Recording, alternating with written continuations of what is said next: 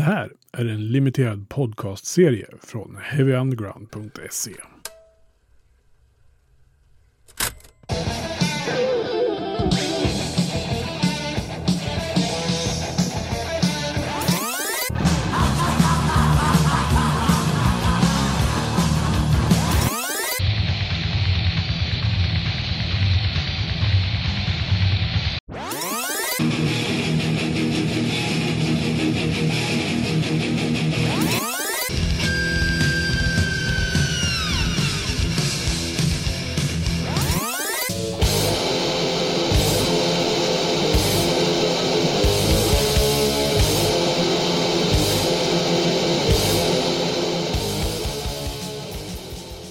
Ice Age var bandet som blev störst internationellt från den svenska thrash-scenen. Och det utan att ens släppa en enda riktig skiva under sin första existens mellan åren 1986 och 1990. Men med ett idogt skickande av demokassetter till tidningar och skivbolag gjorde sig Ice Age kända i stora delar av Europa. Du lyssnar på Stage Dive to Hell och jag som säger det heter Magnus Hallengren och det här är en podcast från heavyunderground.se om den första svenska thrashvågen. Historien om Göteborgs Ice Age är intressant på många sätt. Både för det jag just berättade om hur bandet blev stora internationellt, vilket få av de svenska thrashbanden från den här tiden blev. Men också för att det bara bestod av tjejer, vilket eh, hur märkligt det än kan låta idag, var något som uppmärksammades av både media och publik. Själv tycker jag att Ice Age är intressant på grund av hur otroligt tekniskt skickliga det var. Och framförallt då sångerskan och gitarristen Sabrina Kilstrand. Och det är hennes historia om Ice Age vi ska få höra idag här i Stage Dive to Hell. Och intervjun är gjord på gammalt heligt rockboxset via telefon. Så här är Sabrina Kilstrand från Ice Age i Stage Dive to Hell. You are forced to kill,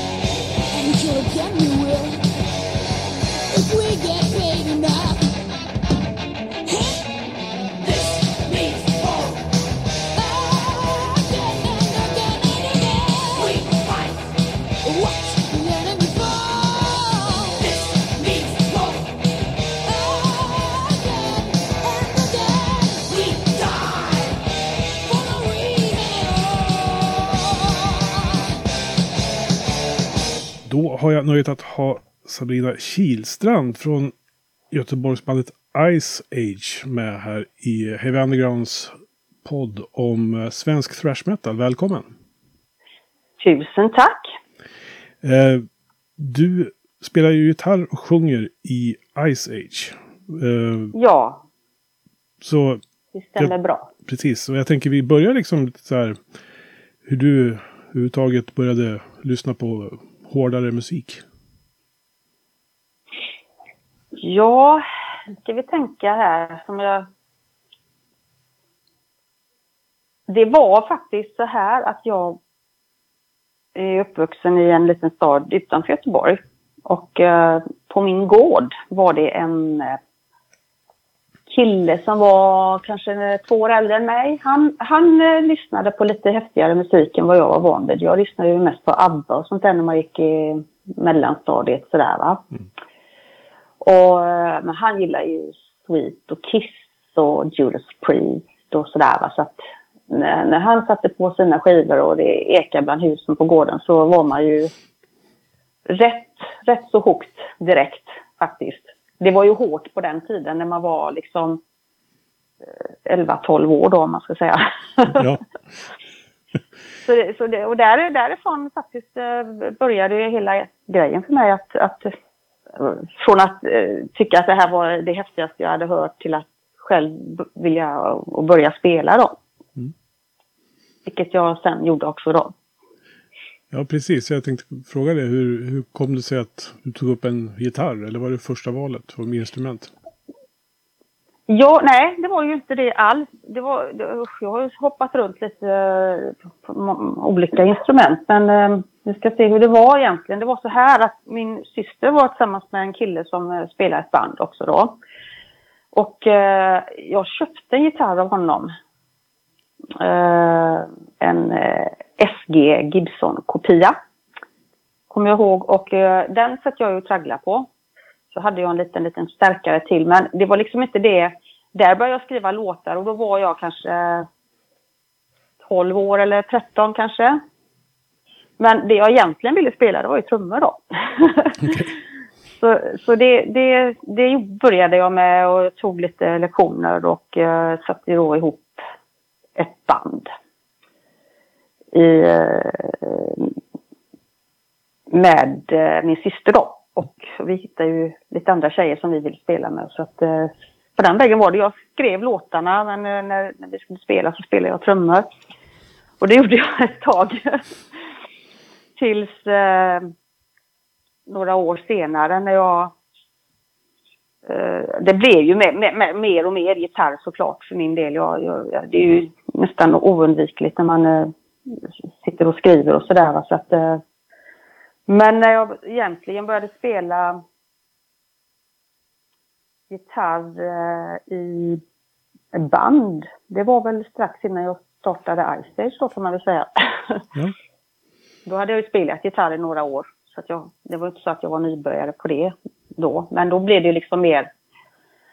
Eh, eller jag spelade gitarr i, i, innan också i ett litet svänggäng. Men det var liksom inget, det var ju mer bara på skoj då. Det var inget band som vi giggade med eller sådär va. Men eh, det första bandet som var liksom allvar för mig, det var ju Ice Age då, om man säger. Ja, eh, vi ska prata om Ice Age naturligtvis. Men jag, när, jag tänkte bara det här med thrash metal. Ja. Eh, när liksom, kommer du ihåg när du, så kan man säga, upptäckte det på något sätt? Ja, det kommer jag nog ihåg. För att när vi startade och spelade då med Ice Age så var det ju inte riktigt kanske lika tufft från början. Och det var på så sätt att det hade ju liksom inte kommit igång den vågen riktigt. Och det här nu snack, det hade, den hade väl gjort det kanske i eh, USA och sådär va, men eh, vi spelade i alla fall lite mer traditionellt och sen när vi, då när Metallica började släppa plattor eh, och, och, det var Ride the Lightning och det var eh, Kill Em All och de här då, de första plattorna som kom, då, då eh, såklart att man vill ju lyssna på det. Och då var, hade vi ju en tjej i bandet där som var den enda som egentligen hade råd att köpa skivor. Så hon gick ju och köpte de här skivorna. och, och, och, spelade och de, de, för oss och vi tyckte det här var, det här var ju ashäftigt liksom. Så där ville vi spela. Och, även om inte kanske... Eh, alltså, kunde direkt. Men vi, det, vår musikaliska inriktning blev lite tuffare och lite hårdare. Vi spelade in någon demo innan där som var lite mer traditionellt och sen andra demon, demon vi spelade in var lite, lite tuffare då.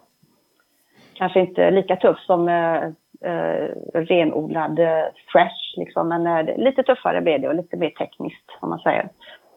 Mm. Med låtarna och sådär. Så att, eh, och det var väl runt eh, 80, ska se, kan det ha varit 86 eller 87 kanske till och med. Jag vet inte, det är så länge sedan. ja. Men eh, alltså, det var ju, vi var ju alla väldigt hooked på att det skulle vara lite häftigare, lite thrashigare allting liksom. Mm. Och när vi, när vi kom in på det så blev det också lite mer uppmärksamhet uh, uh, utifrån förbandet. För att uh, det var väl lite unikt kanske att, jag menar, thrashen var väl kanske inte, hade väl inte slått igenom i Sverige. Uh, det, det, det, fanns ju band såklart, men det var ju, det var ju så nytt allting. Och så då kom ju vi då vara fyra stycken rätt unga tjejer som spelade lite tuffare. Och då fick vi mycket uppmärksamhet på grund av det. Faktiskt. Ja, jag tänkte fråga lite om det, alltså, eftersom ni var bara tjejer som spelade band. Och på den tiden, på 80-talet, så var ju det en liten grej om man säger så. Ja. Man, liksom, hur var det? Ja, men det var ju häftigt då i och med att man sa att vi fick ju, fick ju uh, rätt mycket uppmärksamhet. Och det, det var ju en, en uppmärksamhet som vi liksom styrde upp på så sätt att vi spelade in demokassetter och, och bara mangla ut de här till fanzines som fanns på den tiden. Och det var ju inte så att det var eh, det var ju, det var ju eh, fanzines över hela världen. Det var inte bara svenskar som satt och gjorde fanzines hemma utan det var ju Alltså vi hade en sån fanbase som var sig i alla länder liksom. Det, blev ju så till slut som en underground-grej då. Mm. Och vi fick ju väldigt mycket uppmärksamhet eh, från, eh, jag tror nästan alla, alla, alla länder i världen nästan. Alltså vi fick ju massa brev och, och alltså jag hade ju säckvis med med brev varje vecka som kom till slut. Så det var ju inte så att vi kunde ta hand om det själva nästan. Så vi delade upp det. Du får ta den här bingen och så tar vi, du den bingen och så får du svara på det. Och det blev, allting hände väldigt plötsligt också. Eh, med uppmärksamheten. Och, och det var väl i det kölvattnet att det, var, det, det skulle hända någonting. Flashen eh, kom och, och vart eh, väldigt folk gillade och, och, där, och, och då, då, var vi där liksom. Så vi, hade, vi låg ju väldigt bra i tiden också för, eh, för det vi spelade om man säger. Mm. Och hade vi varit eh, kanske några år senare eller kanske tidigare så hade det inte varit någonting. Men det är ju lite grann det det handlar om om man ska lyckas som band också. Att du, att du verkligen har musik som ligger precis rätt där i, i, eh, i tiden om man säger. Ja, jag vet. Det är tajmingen som är viktig där. Och slashen var ju precis, det bubblade ju. Alltså, hela den scenen var ju, det var ju magiskt egentligen. Alltså jag, men det har ju också att göra med kanske att man är, idag är äldre. Men jag har aldrig upplevt något liknande eh, på det sättet. Att det var så häftigt allting liksom. Med thrash. Ja.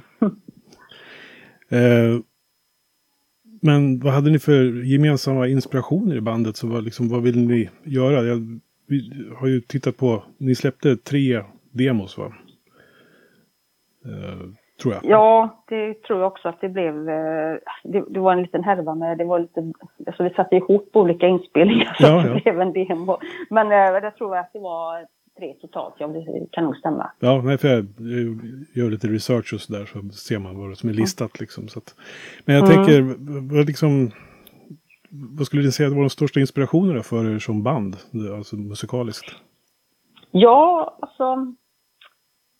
Det blev ju såklart mycket inspiration eh, från Metallica. Sen eh, startade ju Dave Mustaine som också var med Metallica från början. Han startade ju sitt Megadeth och då, då var ju det superfräckt. Och det fanns ju massa andra band också som var jätteduktiga. Men jag tror att för, för egen del så var det ju Megadeth som var min största inspirationskälla. Uh, det jag gillar, jag gillade den typen av riff och den, den liksom, uh, det, den aggressiva stilen att approacha uh, alltså, en låt med, med hur, hur, han fraserar när han sjunger och allting. Han, han är han är hård liksom. Mm. Och det tycker jag fortfarande. Han, han var kanske hårdare för, förr i tiden. Men, men äh, Megadeth var absolut min största inspirationskälla då. Sen finns det ju så mycket andra band som man tycker är bra också. Men äh, om jag måste säga ett band så får jag säga Megadeth i så fall. ja, men det tycker jag att man hör. Alltså det är ju tekniskt tycker jag att Ice Age alltid mm. var lite mer än alla andra band, svenska thrashband på något sätt. Ja, jag, jag tror att vi, vi har lämnat ett litet avtryck på um, Freshens uh, himmel, eller karta eller vad man ska säga. Ja. Eh, trots den korta karriären som vi ändå bara hade då innan bandet splittrades. Mm. Vi spelade ju faktiskt bara ifrån uh, 80, startade 85 och 89 så splittrades bandet liksom. För att det var inte så många år som vi fick chansen att, att eh, lysa. Nej. Men det som jag tycker är intressant med Ice Age just är ju att kanske till skillnad från många andra svenska thrashbanden så fick ni ju rätt mycket uppmärksamhet utomlands. Ja, det var ju där vi hade vår uppmärksamhet. Eh, vi blev ju väldigt... Och det var ju det jag nämnde, var inne på där innan mm. där att alltså i och med att att det var antagligen så pass ovanligt då att det kom eh, fyra stycken rätt unga tjejer och spelade liksom så tufft. Det var ju, alltså det är klart att det fanns kvinnliga musiker och, och, och, och det fanns eh, artister som, som kanske frontar band och så som var tjejer men men ingen, eh, ingen som Ice Age. Jag tror att Ice Age i det fallet var ett tämligen eh, helt unikt band faktiskt. Mm. Då det begav sig. Med dåtidens mått mätt. Hade vi kommit idag och låtit som, liksom så, jag menar nu är ju klimatet något helt annat.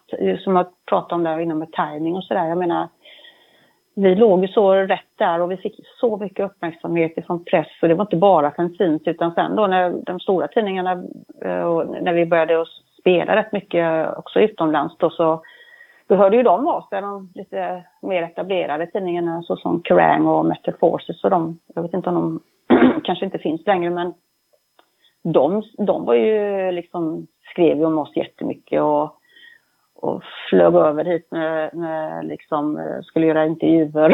Mm. Jag gjorde stora fina reportage med mittuppslag och grejer så att vi fick ju jättemycket skjuts utav det såklart, internationellt fick vi. Men... Plus att vi spelar mycket eh, live också då. Vi var, vi gjorde ju ändå eh, två turnéer och eh, det är också är det kanske tämligen unikt att man kan turnera och dra fulla hus eh, utan att ha släppt en skiva. Eh, det kunde man göra förut och det gjorde vi. Vi kom där och drog fulla hus med våra två demokassetter som vi hade då, eller tre. Eh, det var skithäftigt faktiskt. Vi spelade i, i eh, exempelvis i Holland. Då kom det folk från Tyskland för att kolla på oss liksom. Mm.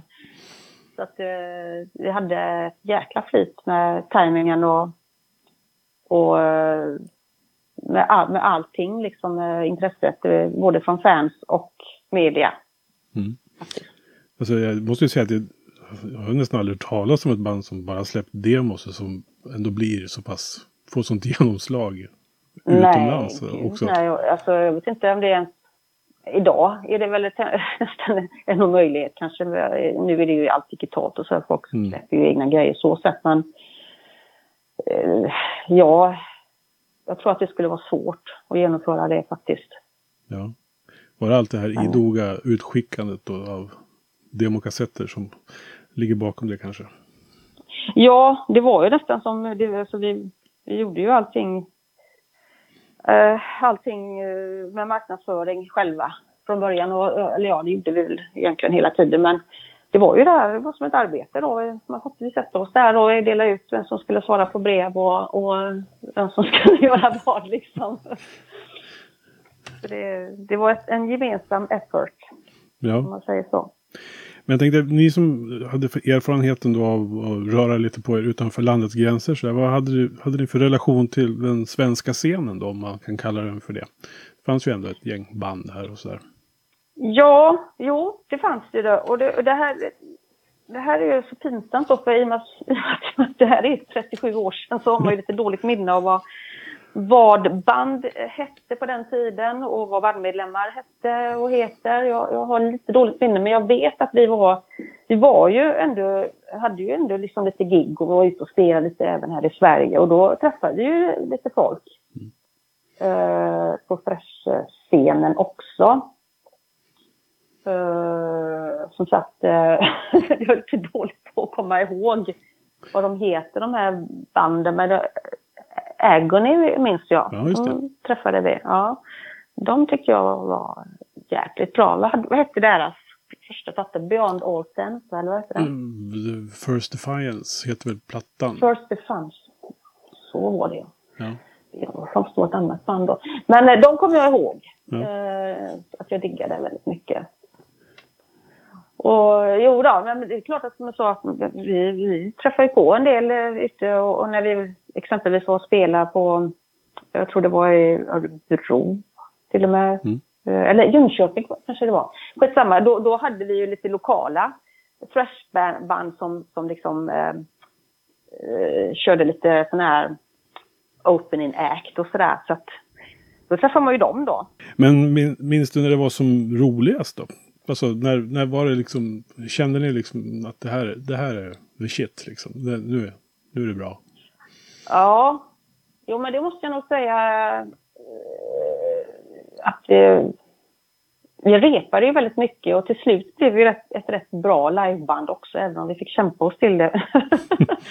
Men eh, eh, jag tror att för min del, när jag kände mig trygg i min sitt som front i ett band, för att när man står där i front så känner man alltid att man, man bär på lite mer kanske och är det då att, man, att någon är någon svag länk eller har någon dålig dag så blir, är det lite osäkerhet. Men i och med att vi repade så mycket så uh, kände jag att precis innan jag slutade faktiskt tyckte jag att det kändes jävligt bra. Just uh, att vi var liksom ett tajt liveband och, och att, uh, att vi kunde liksom, vi hittade våra roller på scen och sådär va. Uh, nu slutade jag strax därefter så jag fick liksom inte känna så mycket av den, den roliga grejen men, uh, men, men det måste ju ha varit någon gång på typ 80, tidigt 89 då kan man säga, mm. när det började kännas bra för mig. Mm. Så länge sedan var det. Ja. Men sen, alltså, det, var, var det snack om att, ni skulle, att det skulle bli en riktig skiva så att säga? Eller vad, vad hände sen? För att sen tar liksom... Jo men så här var det. Att det, det, var ju, det var ju snack om det. Och det var ju många skivbolag som var väldigt intresserade. Och även lite större bolag var intresserade. Men de ville att vi skulle gigga lite mer och få mer erfarenhet. Och framförallt skriva mer material. För vi hade ju ändå liksom inte mer än kanske 12 låtar eller någonting. på den tiden. Och, eh, men sen då kom vi i kontakt med eh, ett management som, eh, som skulle vara, agera manager för oss. Och då, då, de, de två killarna eh, var väl lite impopulära kan jag tänka mig. För att det var rätt många skivbolag som drog öronen åt sig när de kom in i bilden. Och eh, jag drog ju också öronen åt mig för att jag ville inte ha dem från början överhuvudtaget. Och eh, det var också på grund av det som, eh, ja, anledningen att jag slutade var just eh, managementet för att det funkar inte för mig att ha så oseriösa människor i, alltså musiken var ju verkligen mitt liv och det jag ville göra. Och så kommer det in eh, två pajasclowner och tror att eh, här är det liksom hej baberiba ungefär liksom. Mm. De kunde ingenting, de hade aldrig jobbat med detta innan och de, de, de ville säkert, men de hade inte, hade inte kunskapen liksom att klara av det. Eh, de, de, eh, de, var, de var inte roliga. Nej. Så att, eh, nej, jag, tyvärr hade jag vetat att de var Alltså jag försökte ju verkligen att manövrera bort de här ifrån bandet och jag lyckades inte. Och då såg jag inget annat val än att sluta själv för jag kunde inte, jag kunde inte ha sådana såna pajasclowner i, i, i, min, i, i mitt liv liksom överhuvudtaget. Så att jag fick lägga ner och det var ju jättehemskt. Det tog många år innan jag ens kunde lyssna på musik efter det igen för att det, det tog rätt hårt faktiskt eh, mentalt och från ena dagen till den andra. Liksom ha, eh, ha allt. Ha en karriär som eh, går spikrakt upp och ligga rätt i, i, med timing och allting tills, till att få lägga ner liksom, mm. alla de planerna. Det var, det var lite ledsamt. Det var några år som var rätt jobbiga där faktiskt. Men eh, det, det, det var som det var, så att ja. säga. Nej, men jag förstår att det var jobbigt. Eh, men nu finns ju Ice Age igen. Ja, ja det gör det faktiskt. Eller ja, det var ju kanske inte det som man hade tänkt på för några år sedan. Men, men det, det, blev så. Och det, det som förvånade mig mest i, det, i, i hela den här att vi skulle börja spela igen, det var att jag tyckte faktiskt att det var så jävla roligt att spela musik igen. Jag hade inte spelat jag hade inte, alltså jag hade inte eh, spelat elgitarr på 25 år. Mm. Ingenting. Så att när vi fick en förfrågan att göra eh, ett gig, ett reunion-gig då, liksom en sån här på eh, en festival här i Göteborg. Så, så vi tackade nej många, många år. Men till slut och så kände vi att vi gör det liksom. Och då var ju det så jäkla roligt så att när vi hade gjort det här gigget så ville vi ju inte sluta. Vi var ju liksom, tyckte det här var jättekul igen då. Mm. Även om vi nu inte fick ihop originalbandet så eh, fick vi ihop halva bandet i alla fall. Ja. så, så vi, det blev en fortsättning faktiskt. Och, och, eh, då fick vi också möjlighet att göra den där skivan som vi aldrig fick göra på 80-talet. Eh, eh, och, och, släppa. Och den har ju varit ute några år nu så det är inga nyheter men eh, det var väldigt skönt att känna det var liksom att man fick ett bra avslut på det så att säga. Det här är, nu fick vi gjort det här liksom. Mm. Det kändes bra. Ja, vi pratade om break, alltså, Breaking the Ice då, som kom 2017 ja, tror jag. När jag säger avslut så menar jag ju avslut ifrån det tidigare Ice Age mm. till det nya då så att säga. Ja. Jag måste ju bara tillägga att jag tycker att den skivan, alltså, som ni spelade in nu då, den är ju fantastiskt bra. Nu kittlade ju alla mina thrash-nerver på rätt ställe om man säger så. Ja men gud vad trevligt att höra. Tusen ja. tack. ja, nu, eh, nu vart det ju på den valde vi att spela in fem gamla låtar och så mm. fem som var nyskrivna då. Men å andra sidan som jag berättade här för dig så har jag har ju liksom inte spelat och skrivit musik på 25 år så det var, jag tar ju bara vid där jag slutar liksom så det, det, låt, det låter ju som det gjorde förr liksom. Ja, ja. För mig i alla fall. Det är ja. inte så att man har uh, skrivit uh, hundratals låtar genom året och uh, utvecklat något annat utan jag tar bara vid där jag slutar och så låter det som det låter liksom. Det ja, låter 80-tal. ja, det är inte fy skam tycker jag. Att... Nej, jag gillar ju det. Alltså, ja. jag, jag, lyssnar idag nästan uteslutande bara på lite äldre musik faktiskt. Mm. Jag är jätteinförtjust i det här det, det tillrättalagda, ska man väl säga. Det, allting låter lite det kan ha att göra med tekniken som finns idag också, att det är enkelt att lägga allting till rätta. Men jag, jag, gillar, jag, gillar, jag gillar den äldre hårdrocken mer. Eller metal kan man säga. Mm. Mm, de äldre banden. Har ni några liksom funderingar på fortsättning nu då? Ja, det har vi ju faktiskt. Jag menar, det, det är ju fyra år sedan när vår Breaking the Ice-platta kom ut. Och, och vi ville fortsätta, så då började jag skriva nytt material. Och det, det gjorde jag ett litet tag och sen så blev vi utan trummis. När vi eh, egentligen var lite redo för att börja spela in på riktigt. Jag hade ju gjort pre-production hemma och sådär men och då blir det ju lite sådär att ja, vi får väl leta efter en ny och vi hörde oss för lite men det är inte... Och fortfarande har vi kanske inte hittat någon permanent trummis i bandet. Mm. men eh, men eh, däremot så har vi ju haft turen att ta in eh, Jonny Bergman mm. som, som trummis på skivan. Uh, han, han är ju multimusikalisk kille och superduktig på det mesta liksom. Så att uh, han har gjort ett fantastiskt jobb. Han uh, trackar de här låtarna på en vecka liksom. Inte ens det. Han uh, fick låtarna en måndag och sen så sen slutet på veckan så hade jag liksom elva låtar, trumspåren skickade till mig. och det lät jättebra. Så det var jag supernöjd med och det ska bli skitkul att och, och äh, spela. Vi ska, jag ska gå in nu om två veckor och lägga sång på våran singel som kommer först då. Mm.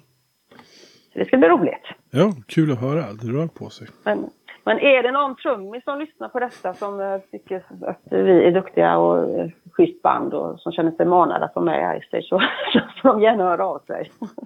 Sabrina Kilstrand från Ice Age alltså. Ett särskilt tack vill jag rikta till Berget Bergman som hjälpte till med att få till det här samtalet. Du hittar länkar till demos och bandets enda fullängdare som släpptes först 2017 i infon till det här avsnittet av Stage Dive to Hell. Som kommer från heavyunderground.se. Jag heter Magnus Tannegren och tackar dig för att just du har lyssnat.